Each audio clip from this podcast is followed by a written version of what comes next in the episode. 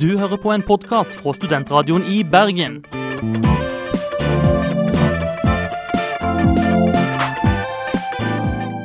Denne og mange andre flotte podkaster finner du på podkast.srib.no.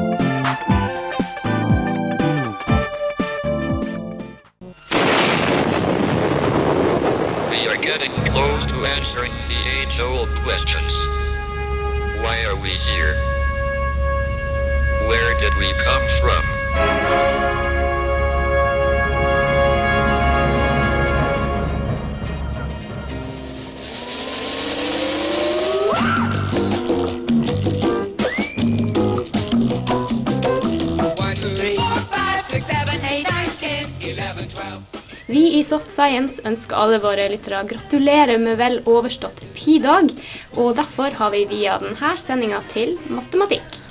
Og det er jo mye spennende man kan ta opp innenfor matematikk. Vi skal bl.a. se litt nærmere på hva det er som gjør at eh, mennesker er snille mot andre, selv om man ikke får noe personlig ut av det. Og hvordan oppsto egentlig vennlighet og godhet? Dette har eh, amerikaneren George Price sett litt nærmere på. Han fant en matematisk ligning som forklarer hvorfor vi utfører gode handlinger.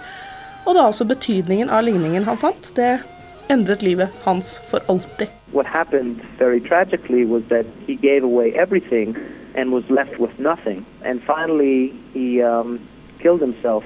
Kryptologi har hatt en stor betydning i krigstid. De allierte fikk overtaket i andre verdenskrig etter at de knakk tyskernes enigmakode. Og dersom du trenger å spe litt på studielånet, eller hvis du bare er veldig lei av å bruke tiden på sudoku og Rubiks kube f.eks., så burde du følge med litt i dag. For eh, det fins nemlig et matematisk problem som du kan vinne en million dollar dersom du løser.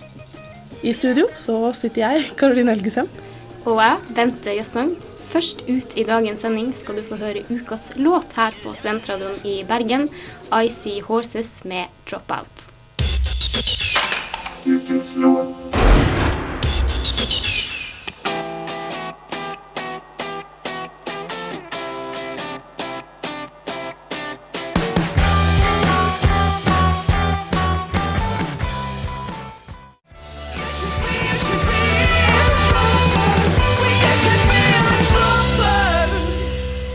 Hørte ukas låt her på Studentradioen i Bergen, I See Horses med Dropout.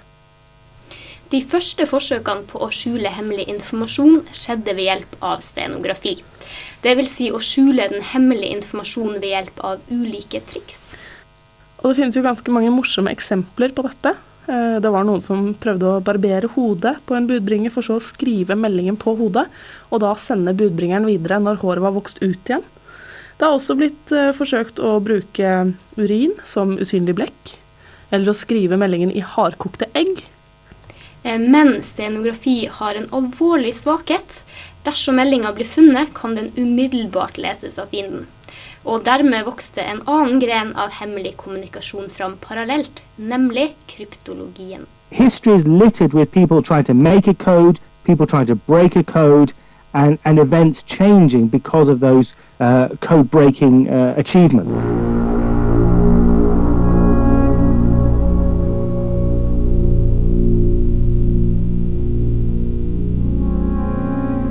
Helt siden mennesket begynte å kommunisere skriftlig, har man prøvd å skjule sensitiv informasjon ved hjelp av koder. Etter hvert begynte man også å utvikle metoder for å tyde slike kodede beskjeder. The first person to try and crack a code uh, was a chap called Al Kindi in uh, Baghdad around mm, maybe about a thousand years ago. And, and he has the oldest document on code breaking.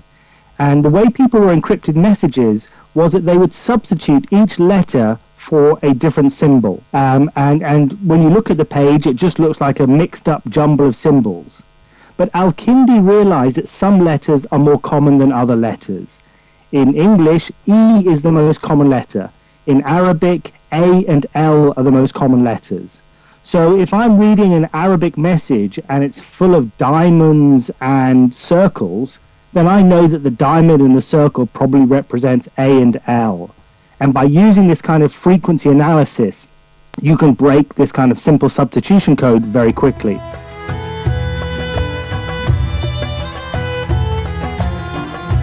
Kryptografi og kryptanalyse har alltid vært et viktig redskap i krigstid, og skulle få betydning for utfallet av begge verdenskrigene. One pivotal moment in the First World War was that the Germans tried to send a message to, I think they sent it to the Mexican government. And at this stage in the First World War, America was not involved in the war. And the Germans wanted to keep America out of the war. So the Germans sent a message to Mexico saying, why don't you invade um, Texas, New Mexico, Arizona? Because if Mexico invades Arizona, this will make sure that America stays out of the war. They will be too busy fighting at home. And this message was intercepted by the British. It was passed on to the Americans. When the Americans saw that the Germans were actively trying to be hostile or trying to uh, instigate hostility from Mexico to America, the Americans were so angry uh, and could see that Germany was being so aggressive that they then did enter the First World War. And so that was a, a code breaking achievement that changed the course of the First World War.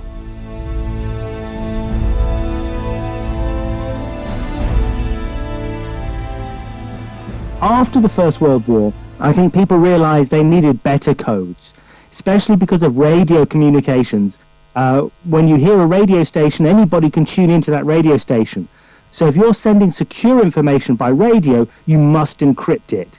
And that's when we see the arrival of mechanical forms of encryption, things like the Enigma machine that, again, Germany developed. And when it was built, it was believed to be absolutely unbreakable. And, and that's sort of what, what Germany was using at the start of the Second World War and throughout the Second World War. So what is this Enigma machine? It's, it's sort of like a machine where you receive the codes and you can uh, decrypt them? It, it works both ways. It looks like a very large, old-fashioned typewriter. It's got a keyboard. So if I was going to send you a message, I would uh, type in the message. Uh, the, the machine generates a mixed-up series of letters. Looks like what we call gobbledygook. And I send that gobbledygook by the radio. At the other end, the person receiving the message types the gobbledygook into the Enigma machine, and the Enigma machine deciphers it back to my original message.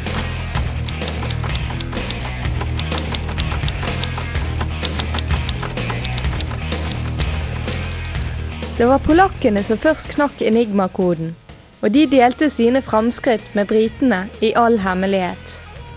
Dette ga England en stor fordel i krigen. Throughout the course of the Second World War, Britain was really able to crack large amounts of Enigma uh, coded messages. And of course, if you're fighting someone and you can read their messages, you know where their weaknesses are, you know where their strengths are, you know where their supply lines are, you know what their plans of attack are. It's like we're playing cards, we're playing poker, but I can see your cards. So the cracking of the Enigma changed the course of the Second World War.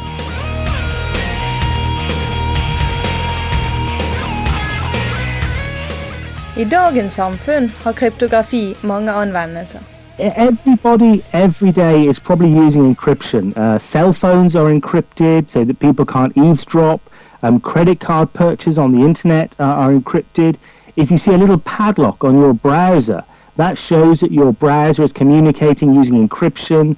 Um, if you're buying, uh, you know, the, the, the big soccer match on TV, then your satellite signal is being encrypted and decrypted so that you can watch the movie. Um, encryption is all around us.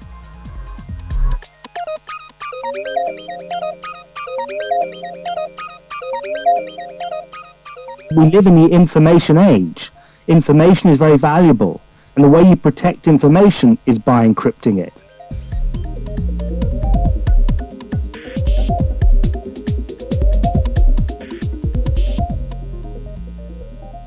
Det var Toril Eidsvåg som hadde snakket med forfatter av The Codebook, The Secret History of Codes and Codebreaking, Simon Singh. Og vi lever absolutt i informasjonsalderen, for den største arbeidsgiveren for matematikere i dag er faktisk National Security Agency i USA. Og dette er jo ganske matematisk relevant, men nå skal vi over til noe som er veldig lite matematisk relevant, nemlig Moss Def med sangen Mathematics.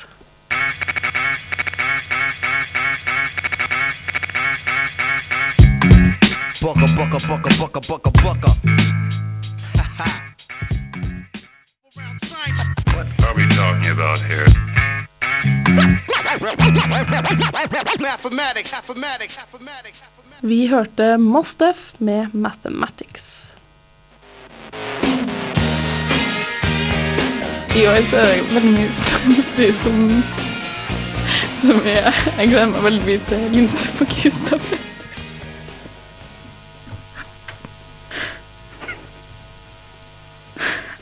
Kanskje Vi kan jo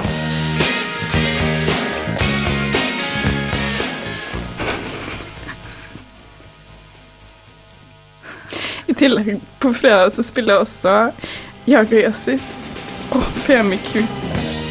Studentradioen i Bergen. Ja, ja.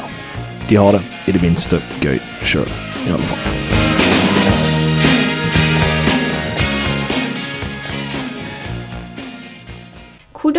Hvordan altruisme?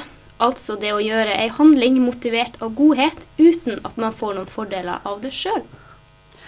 Og hvis det viktigste arbeidet innen evolusjonsteori har vært å forklare og begrunne prosessen av evolusjon gjennom naturlig utvalg, så har jo da faktisk det største hinderet for dette arbeidet helt siden Darwins tid vært problemet med altruisme. En av Darwins teorier var nemlig at hvis det fødes for mange individer, og det er for lite mat til alle, så må det være en kamp for tilværelsen. Men til tross for at man kan se bevis for denne teorien blant flere rovdyr og byttedyr, så finnes det faktisk unntak på dette. Blant annet hos maur så er det faktisk sterile arbeidere som jobber for fellesskapet.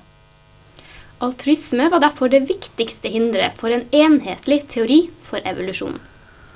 Og på 1960-tallet så prøvde amerikaneren George Price å løse dette spørsmålet om utviklingen av godhet og uselviskhet ved hjelp av matematiske ligninger. Det er synd å si, men eh, svaret han fant fikk tragiske konsekvenser. What happened very tragically was that he gave away everything and was left with nothing. And finally, he um, killed himself while living in a squat on Drummond Street in Kentish Town in London in January 1975. George Prices tolkning av sin egen ligning førte til en tragisk slutt på livet, ifølge Oren Harman, professor i vitenskapshistorie ved Bar Ilan-universitetet i Tel Aviv i Israel, og forfatter av boka The Price of Altruism, George Price and the Search for the Origins of Kindness. Men hvordan endte George Price opp som hjemløs og deprimert? Price var opprinnelig kjemiker og hadde jobba med The Manhattan Project. Han hadde prøvd seg som journalist og jobba i teknologiselskapet IBM da livet hans en dag tok en helt ny retning etter at han ble operert for skjoldkjertelkreft. And he really fell into a very, very deep depression, decided that life wasn't worth living, quit his job, and against the wishes and well wishes and advice of his best friends uh, and family, decided that he was going to leave everything behind um, and move to England in order to try to solve one last great scientific problem before he left this earth. And the problem that he chose was the evolution of kindness. George Price var på jakt etter et matematisk verktøy for å løse problemet med konseptet familie. Hvordan oppsto familien, hvordan har den utvikla seg, og hvorfor har den blitt bevart? And what the price equation allows one to do is to see under what conditions the interest of the group can trump the interest of the, of the individual. Tidligere teorier bygde på at godhet og samarbeid kun utvikla seg mellom organismer med et genetisk slektskap. Men Prices ligning viste noe annet. Nemlig at det ikke kreves genetisk slektskap for at uselviskhet skal kunne oppstå. Sjøl om det for individet lønner seg å være egoistisk, så vil det for gruppa lønne seg å bidra til fellesskapet og å samarbeide. When he finally wrote this equation, which later became known as the price equation, he walked off the street um, in London into the biostatistics department at University College London, UCL, and searched out the professor, the relevant professor. He knew no one there, but he knocked on someone's door, introduced himself, said, Hello, my name is George Price, and this is an equation that I wrote. Um, is this new? And within a very, very short amount of time, within the hour, George Price um, was given keys to an office and an honorary professorship at UCL, which was then one of the best genetics departments in the world. Nå professor ved London College University begynte George Price å fundere over hvorfor nettopp han hadde kommet med denne oppdagelsen, når så mange andre briljante mennesker hadde prøvd å løse nøyaktig det samme problemet. Price tenkte over alle andre tilfeldigheter som hadde skjedd i livet hans, summerte dem opp og kom til et astronomisk høyt tall. What he did was he literally ran out of his apartment into the church at All Souls at Langham and became an evangelical Christian on the spot, having come to the, re- the conclusion that he had been chosen by God to tell humanity some great truth. Men hans nye tro skulle gjøre oppdagelsen av meninga bak ligninga enda verre. Altruism can only evolve if some element in the biological hierarchy, whether it's the gene or the individual or the group, is getting something out of it, that it's adaptive for that level of the biological hierarchy. And so when he thought about it philosophically, what this meant to his mind was that the natural process can only produce a, a sort of second-hand kindness, a second-hand goodness, not a real, pure, genuine selflessness, but rather an interested selflessness, a self-interested selflessness. And this was a terrible realization you can imagine for a Christian. Det fantes altså ingen ekte uselviskhet, ingen ekte godhet eller nestekjærlighet. So his own mathematics, his own miraculous equation, by proving through his own actions in life that the spirit could transcend what the natural process had produced via evolution. George Price via resten av sitt liv til å hjelpe hjemløse. Han ga dem mat og klær og inviterte dem inn i hjemmet sitt. Til slutt hadde han sjøl ingenting igjen og endte sjøl opp som hjemløs. Han tok sitt eget liv i 1975 og ble lagt i ei umerka grav. His uh, funeral was attended by about 10 or 11 people John Maynard Smith and Bill Hamilton, the two great evolutionists, um, a colleague or two from University College London, and all the rest were homeless people that he had met on the street and whom he had been helping, who really came to sort of show their last respect to this man who kind of descended upon them like an angel from nowhere, but then paid the ultimate price for the selflessness that he had shown towards them. Her hørte du Åren Harman, professor i vitenskapshistorie ved Bar Ilan-universitetet i Tel Aviv, og han er også forfatter av boka The Price of Altruism, George Price and the Search for the Origins of Kindness. Reporter var Bente Jøssa. Nå skal vi få høre ukas album her på Studentradioen i Bergen. Her kommer det norske bandet The Captain and Me med låta Migrant fra albumet Royalty.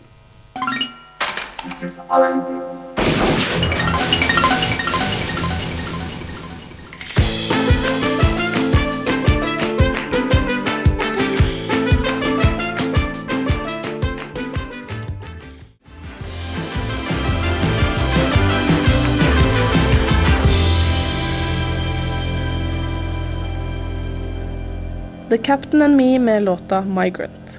Morn, morn. Er du der? Nå var det en som svarte ja. Og så var det en som bare nikket og sa ja inni seg, og det var kanskje deg. Det er helt i orden, det.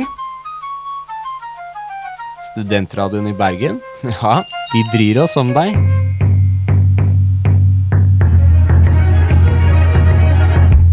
Omkring 15% av elevene i norske skoler har alvorlige mattevansker, og det betyr at de sliter med de fire regneformene som pluss, minus, gange og dele. Og mattevansker har ikke fått like mye oppmerksomhet som lese- og skrivevansker, for forskerne vet ennå veldig lite om hva årsaken er til at det kan være så vanskelig for noen å forstå matematikk. Spesialpedagog Snorre Ostad ved Universitetet i Oslo har tidligere uttalt at mennesker med mattevansker mangler en indre stemme. Han anbefaler å lære elevene om den indre stemmen som de mangler, og hviske den inn. Og det kan foregå på denne måten. Hvis en elev f.eks. har regna fem mattestykker riktig, bør han repetere fremgangsmåten i regnestykket først med høy stemme, så med litt lavere stemme, og etter hvert med hviskende stemme. Til slutt skal han prøve å høre stemmen inni hodet sitt. Hvorfor det? Hva er det? Hvorfor det? Hvorfor det? Hvorfor det? Hvorfor det? Kødder du, eller? Hvorfor det? Hvorfor det? Hvorfor det? Hvorfor det? Soft Science presenterer Kvifor det? Kvifor det? Kvifor det? I dag Hvorfor er det så vanskelig for enkelte å lære seg matte? Uttrykket matematikkvansker brukes som regel om barn som ikke får tilstrekkelig utbytte av undervisningen i matte.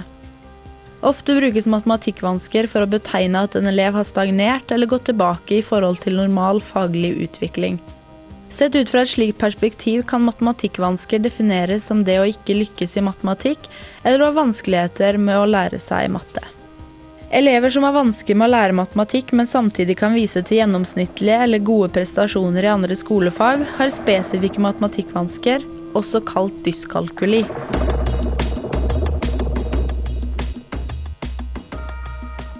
Uttrykket dyskalkuli er mye brukt de siste årene.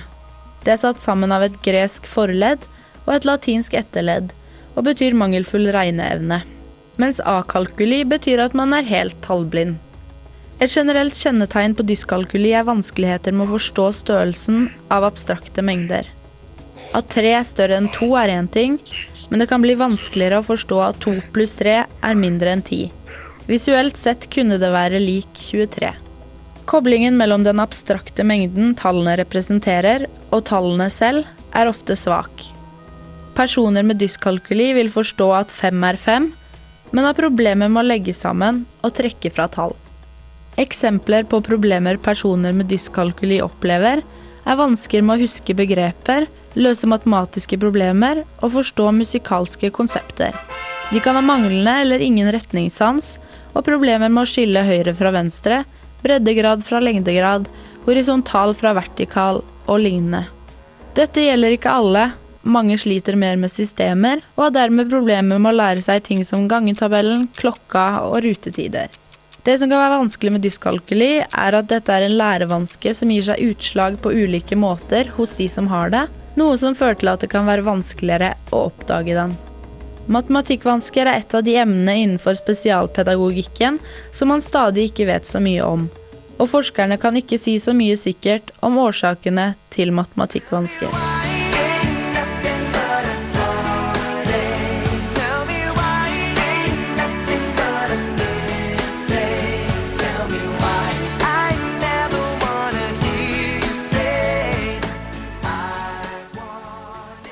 Vi hørte Elin Stensvann som snakka om dyskalkuli og mattevansker.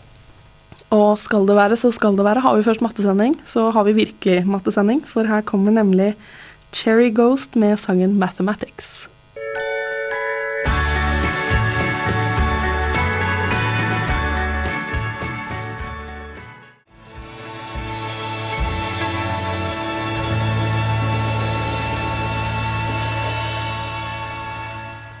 Pi-dagene ligger bak oss. Den ble feira over hele verden på eh, mandag. Og har du hatt en vellykka pi-feiring? Har du eh, feira pi-dagen rett? Vi har en liten sjekkliste du eh, bør gå gjennom. Ja, og det er jo veldig mye av dette her som kanskje passer ekstra godt for studenter. Vi kan jo begynne med første punkt. Drakk du pils? Og hva passer bra eh, til pilsen? Nemlig spis pizza. Spille pilspill? Gå med pi-skjorte. Og du kan da bake piroger og pita. Og mens du baker eller venter på at baksten skal bli ferdig Mens det hever, tenker jeg. Ja, mens det hever, så et veldig godt tips. Ja, gjør noe nyttig. Lær deg de første 63 desimalene i pi. Ja. Gå med pi-klær. Kanskje da har vi jo egentlig allerede sagt med pi-T-skjorte. Eller pysjamas. Eller pysjamas. Enda bedre. Veldig bra. Og det er jo også da selvfølgelig mulig, kanskje spesielt for um, en del av guttene på Matmat, og Nei, nå er jeg slem. Veldig slem. Men si det likevel. Ja da, jeg får gjøre det. Være pinglete og ha det pinlig mens du piller deg i nesa og pisser i buksa. Men det her trikset, eller uh, vellykka pi-feiring, eh, tipset du kom med, Karoline, passer kanskje ikke så godt hvis du feirer pi-dagen og med å fri til en pike du liker godt, og da trenger et aldri så lite sjekketriks. Og det er så mange gode å ta. Til og med for meg som ikke er spesielt god i matte, så er det mange av disse her som er veldig søte og fine. Eh, mange av de må man jo da ta på engelsk, så dette er en veldig internasjonal sjekkespalte, kan vi vel si. Mm. Vi begynner da med, ja, med den mest uskyldige, må jeg jo få lov å si. Ja, vi kan vel si det sånn. How can I know so many hundreds of digits of P and not know the seven digits of your phone number? Ja, Den er søt, da. Ja, litt klein. Litt klein og litt søt, men jeg føler at det å feire pi-dagen er litt kleint og litt søtt, det også. Så det er liksom greit. Enig. Men så er det kanskje på tide å ta en gang litt hard skyts. Nå begynner klokka å nærme seg kanskje ikke akkurat tre, men den begynner i hvert fall å nærme seg to om natta. Ja. Eh, da kan du kanskje ta den her. I need a little help with my calculus. Can you integrate my natural log? Og selv om du ikke er helt sikker på naturlig logaritmen er, så skjønner du i hvert fall hva natural log er på et menneske. Ja, ikke sant. Den er, den er ja, fin. Litt desperat, kanskje, men fin. Eh, Det går jo også da Hvis du er litt ekstra desperat og skjønner at du egentlig ikke har sjans på noen av jentene i barn, eller hvis du bare finner en jente som er veldig matteinteressert, som eksempel deg, så kan man jo dra den her. I don't know if you're in my range, but I'd sure like to take you back to my domain. Å, sjarmerende, sjarmerende. Nå går vi litt over um, til li litt grovere delen. Ja, den her er også ganske direkte, om enn litt sånn Ja, den er ikke sånn veldig dirty formulert, men den er direkte. I'll take you to a limit if you show me your end behavior. Den er jo Hvis du ikke skjønner dobbeltbetydningen der, så trenger du virkelig hjelp med matten, altså. Ja, det har du helt rett i. Jeg skjønner hva, hva denne personen vil, ja. Men nå, nå er klokka tre. Nå kommer vi til finalen. Nå er klokka tre. Du er skikkelig dritings. Og så kommer en sjarmerende matematiker bort til meg, og hva sier han da? Da sier han dette. I wish I was your problem set, because then I'd be really hard and you'd be doing me on the desk. サメに追いかけられ何度も振り返ってサメに追いかけられ何度も振り返ってサメに追いかけられ Vi hørte Asobi Sexu med Trans Out. Nå har jeg noen gode nyheter til deg, Bente. Det er nemlig sånn at eh, hvis du er god i matte, så kan du tjene mer penger. Ja, det har jeg faktisk fått med meg. Hvorfor tror du jeg studerer matte, Karoline? Du er så lur, altså. Jeg vet. Danske forskere fant det nemlig ut for et par år siden at matte har en positiv effekt på karrieren din. Hvis man studerer matte, så får man nemlig 30% mer lønn når man går ut i arbeidslivet. Stakkars meg, som ikke har noe matteutdanning. Og enda bedre, hvis du er god i matte og har det litt travelt med å tjene penger. Hvis du har en litt stor strømregning som ligger for fall, eller uh, kanskje hvis du har vært i Vegas og brukt masse penger, f.eks., så kan det være lurt å prøve seg på noen av matematikkens uløste gåter. Da kan du nemlig bli millionær. Yes, so the prizes were established in the year 2000. There are seven prizes, each worth a million dollars. And they were established to sort of put a post in the ground for future generations to see what mathematicians were struggling with at the turn of the millennium. I need a dollar, dollar, dollar, that's what I need. Hey, hey. Well, I need a dollar, dollar, dollar, that's what I need. Hey, hey. Said I need a dollar, dollar, dollar, that's what I need. Lei av å alltid spille lotto, men aldri å vinne. Lei av å løse ligninger med fem ukjente mens du sitter på ramma og leser Donald uten å tjene penger på det. Da kan dr. Jim Carsten ved Clay Mathematics Institute i Boston, USA hjelpe deg. Hans institutt deler nemlig ut priser til dem som kan løse ett av sju forskjellige matematiske problem. De her millenniumsprisene er verdt én million dollar hver. I need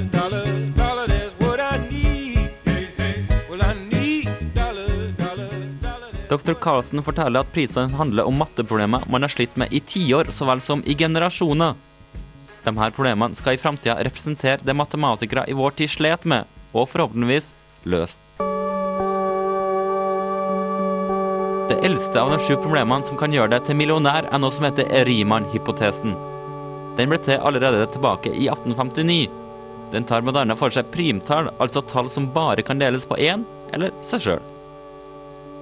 Primtall har fått matematikere til å klø seg skalla i hodet helt siden pythagoreernes tid tilbake i det gamle Hellas. Og det er derfor ikke sjokkerende at prisutdeleren Han har også det som sitt eget favorittproblem.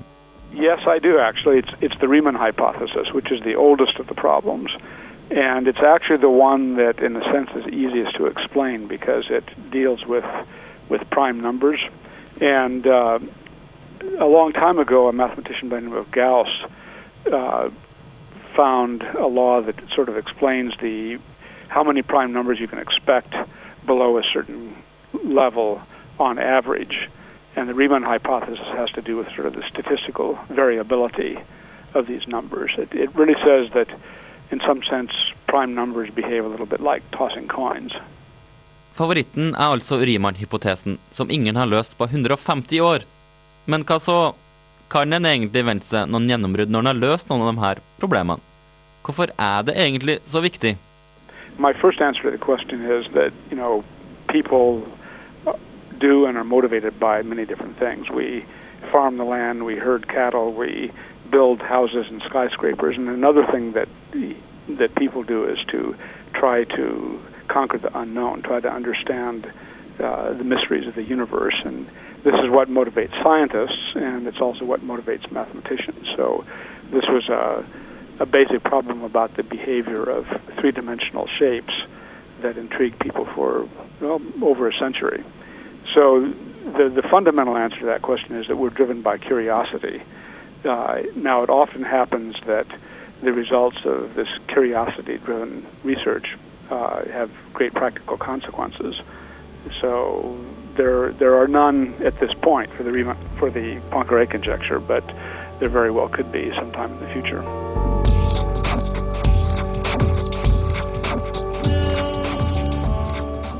Som vi hører, så snakker dr. Carsten ved Clay Mathematics Institute om at man ikke har funnet noen revolusjonerende bruksområder for Poincare-formaningen helt ennå. Han tar opp den, for det har seg nemlig sånn at det er den eneste av de sju problemene som er løst. Og det er et problem som noen snubla over da de så på hvordan solsystemet vårt egentlig hang sammen. Yeah, so this was the Poincare conjecture, which is a uh, basic problem about the types of three-dimensional shapes that might exist. And uh, it was formulated in 1904 by a French mathematician, Henri Poincaré. It actually came out of his uh, investigations of celestial mechanics, of the stability of the solar system and related problems. And, uh, well, Gregory Perelman, who solved the conjecture, uh, published his papers on an internet site. Uh, I guess it was around 2002 uh, when he did this. And it took uh, quite a while for people to check through all the details. He, he wrote very terse, compact papers. And you know, experts in the field had to check all the details, convince themselves that it was correct, and that's why it took the time that it did.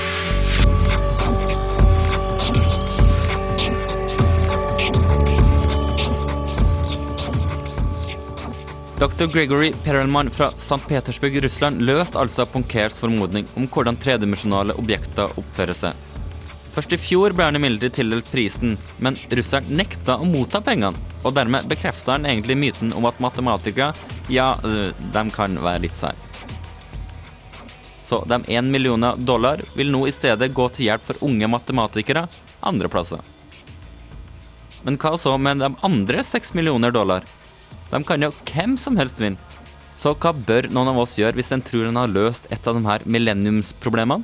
Well, the first thing you should do is uh, walk down the hall and talk to a, a friend of yours and explain the proof to him to see whether uh, there's a gap in it. Because uh, you know, even professional mathematicians uh, have the experience of waking up in the morning and they say, "Oh my goodness, I can solve this problem that I've been working on for three years," and uh, and then they think about it for a while or explain it to a friend and they they realize, "Oh, oh heck, there's a there's a gap in the proof here." So that's the first thing I would do.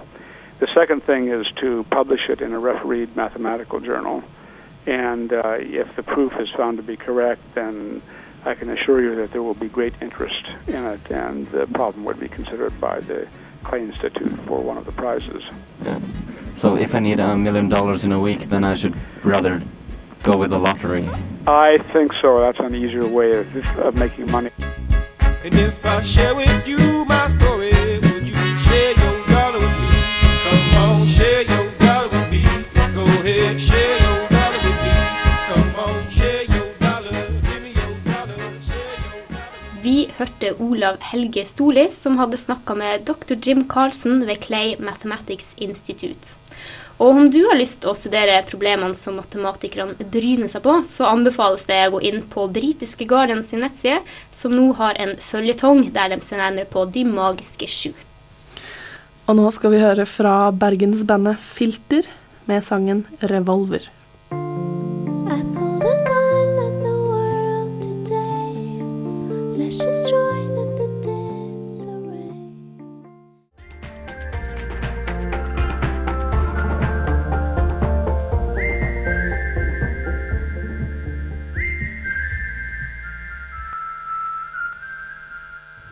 Vi hørte Filter med revolver. Soft science er over for i dag. Men vi er eh, tilbake neste uke med masse, masse godsaker. Og i mellomtiden så kan du høre oss på podkast på srib.no, hvor du også finner masse fra våre andre flotte programmer her i Studentradioen. Du kan også følge oss på både Twitter og Facebook. Vi vil gjerne takke dem som har bidratt til dagens sending. Vi vil takke Olav Helge Stoli, Toril Eidsvåg, Elin Stensvann, produsent Joakim Haaland. Og i studio så hørte du Bente Jøsang. Og Karoline Elgesem. Etter oss så kommer eh, vårt feministiske program her på Studentrådet i Bergen, nemlig Venstreparty. Men før vi er helt ferdige, så skal vi spille en siste sang for dere, nemlig Papercuts med Marie Says You've Changed.